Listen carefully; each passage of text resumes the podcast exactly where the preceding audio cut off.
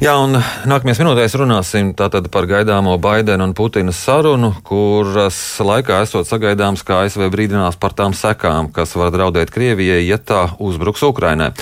Un, turpinot šo tematu, mēs tagad runāsim ar Austrum Eiropas politikas pētījuma centra pētnieku Mārti Balodi. Labrīt! Labrīt! Atsevišķi komentētāji izsakās, ka nebūtu jārunā par militāriem draudiem Ukrainai, bet gan par uh, komunikācijas formu, proti, Putinam šobrīd jau vairs nesot cita veida, kā aprunāties ar Baidenu, kā tikai pievelkot karaspēku pie Ukrainas robežām, un tad Baidens esot gatavs sarunai. Jūs piekrītat tam? Um, kopumā es domāju, jā. Uh, pirms dažām nedēļām um, Krievijas prezidents Putins tikās ar savu um, ārlietu dienestu pārstāvjiem kurā viņš izteica tādu ļoti zīmīgu tēzi, kas, manuprāt, skaidro arī Krievijas mūsdienu uh, pieeju starptautiskajām attiecībām. Uh, proti, Putins izteicās, ka pret rietumvalstīm ir nepārtraukti, nemitīgi nepieciešams radīt, uh, radīt spriedzi, radīt kaut kādu attiecību sāsinājumu, jo tikai šādos apstākļos rietumvalsts ieklausoties Krievijas vēlmēs un Krievijas interesēs.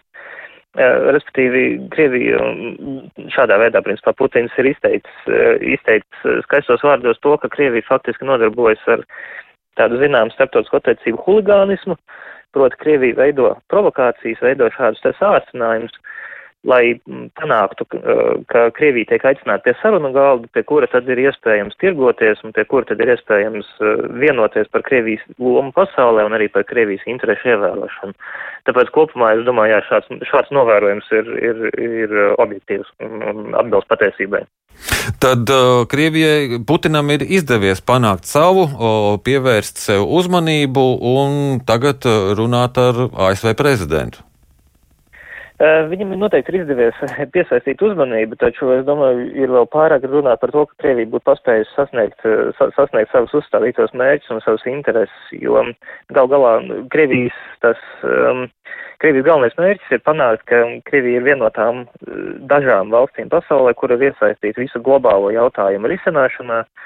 Un ne, neapšaubām šeit galvenais jautājums no Krievijas puses raugoties noteikti ir Ukraina, Un, un Krievija noteikti vēlas saņemt kaut kādas garantijas par, par Ukrainas uh, stāvokli uh, reģionā un pasaulē.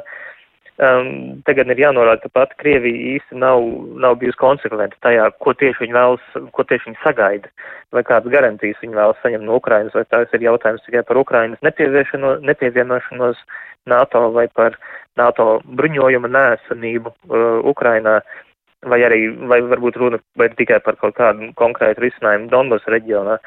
Tāpēc um, es domāju, um, no šādām sarunām, um, šādās sarunās, teiksim, nevajadzētu varbūt pārsteidzīgi apgalvot, ka Krievija jau sasniegusi savas intereses, Krievija panākusi savu, savu auditoriju, un, un Krievijai būs iespēja izteikties, taču um, ņemot vērā pašreiz pausto gan par ASV, gan par Rietumvalstu nostājus, domāju, ka Krievijas interešu sasniegšana nebūs, nebūs, nemaz nebūs tik vienkārši, ja vispār būs iespējama. Kā jūs prognozējat, um, cik skarbos toņos šī saruna varētu būt?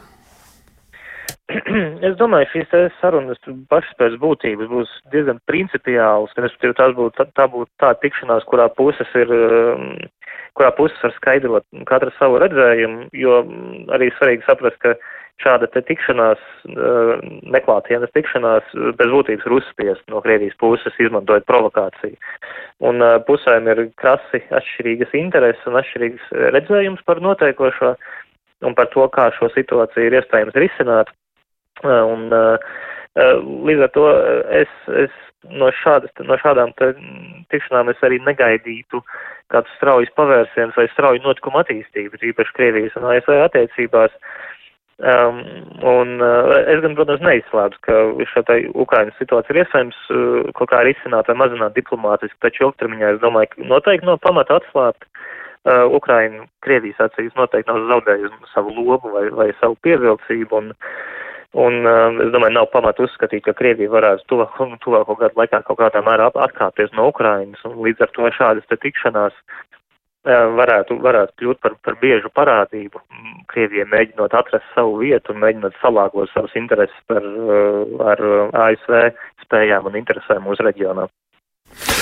Izskan dažādas versijas, ar ko Baidens varētu piedraudēt Putinam, bet jūs ieskatāt, cik reāli, kad Amerikas Savienotās valstis kaut ko tādu darītu, ja, ja Krievija turpinās šo situāciju eskalēt? Um, ASV prezidenta administrācija principā jau kopš Obamas prezidentūras laikiem sāk pakāpeniski arvien vairāk fokusēties uz, uz Āzijas reģionu. Un es domāju, ka arī šādā kontekstā mm, iespēja, ka ASV piemēro ekonomiskas sankcijas, vismaz brīdina Krieviju uh, par ekonomisku sankciju piemērošanas iespējamību. Uh, es domāju, šāds risks ir, ir, ir gana, gana augsts, vai, teiksim, vai gan ticams. Um, te gan gribētu atzīmēt, ka ir izskanējuši dažādi minējumi par to tieši kādas varētu būt šīs sankcijas. Un viens no risinājumiem, kas bieži tiek minēts, ir Krievijas vai konkrēti varbūt personu vai uzņēmumu atslēgšana no SWIFT sistēmas. Um, tas, manuprāt, ir diezgan radikāls solis, jo atslēgšana no SWIFT sistēmas skar ne tikai pašas sankcionētās personas, bet arī uh, ar viņiem pat netieši saistīts uzņēmums vai kaut kādus sadarbības partners vai uh, un uzņēmums gan Eiropā, gan ASV, kas sadarbojas ar, ar vai darbojas Krievijas tirgū.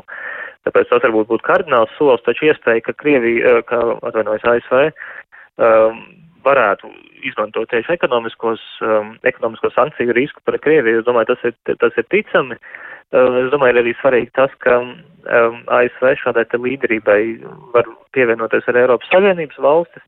Tādā veidā arī Krievija um, liekot skaidri saprast, ka um, par spīti tam, ka Krievija runā tieši ar ASV, ka šim, šim tā ASV piemēram vai paraugam sako arī Eiropas valsts un, un ar Eiropas valstu vidū sāk pakāpeniski nostiprināties vienprātība par to, ka Ukrainai ir jāpalīdz un Ukraina ir jāizstāv. Un ka šeit te, šādā te Krievijas iecerētā veidā, ka viens pret vienu varēs sarunāt vai, vai, vai sadalīt citu valstu likteni, ka šāda pieeja nav pieņemama. Un noslēgumā šī saruna kaut ko izmainīs uz Krievijas un Ukrainas robežas?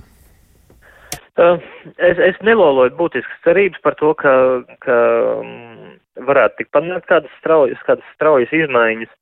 Es, es domāju, šī būs tikšanās, kuras laikā vairāk tiks, tiks um, puses varēs apmainīties ar savu, savu redzējumu par, par situāciju un par to, kā būtu pareizāk šādu, uh, šādu situāciju risināt. Uh, viens iespējamais tāds, um, tāds sausais atlikums no šādas tikšanās varētu būt uh, vismaz uh, ir um, savstarpējā dialogu turpināšana, un, ka, kas var palīdzēt veidot vismaz kaut cik paredzamas attiecības nākotnē.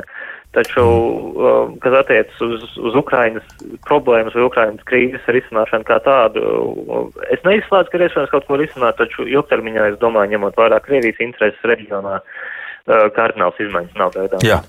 Man jāsaka jums paldies par šo sarunu. Atgādinu, ka mēs sazinājāmies ar Austrum Eiropas politikas pētījuma centra pētnieku Mārci Valodi.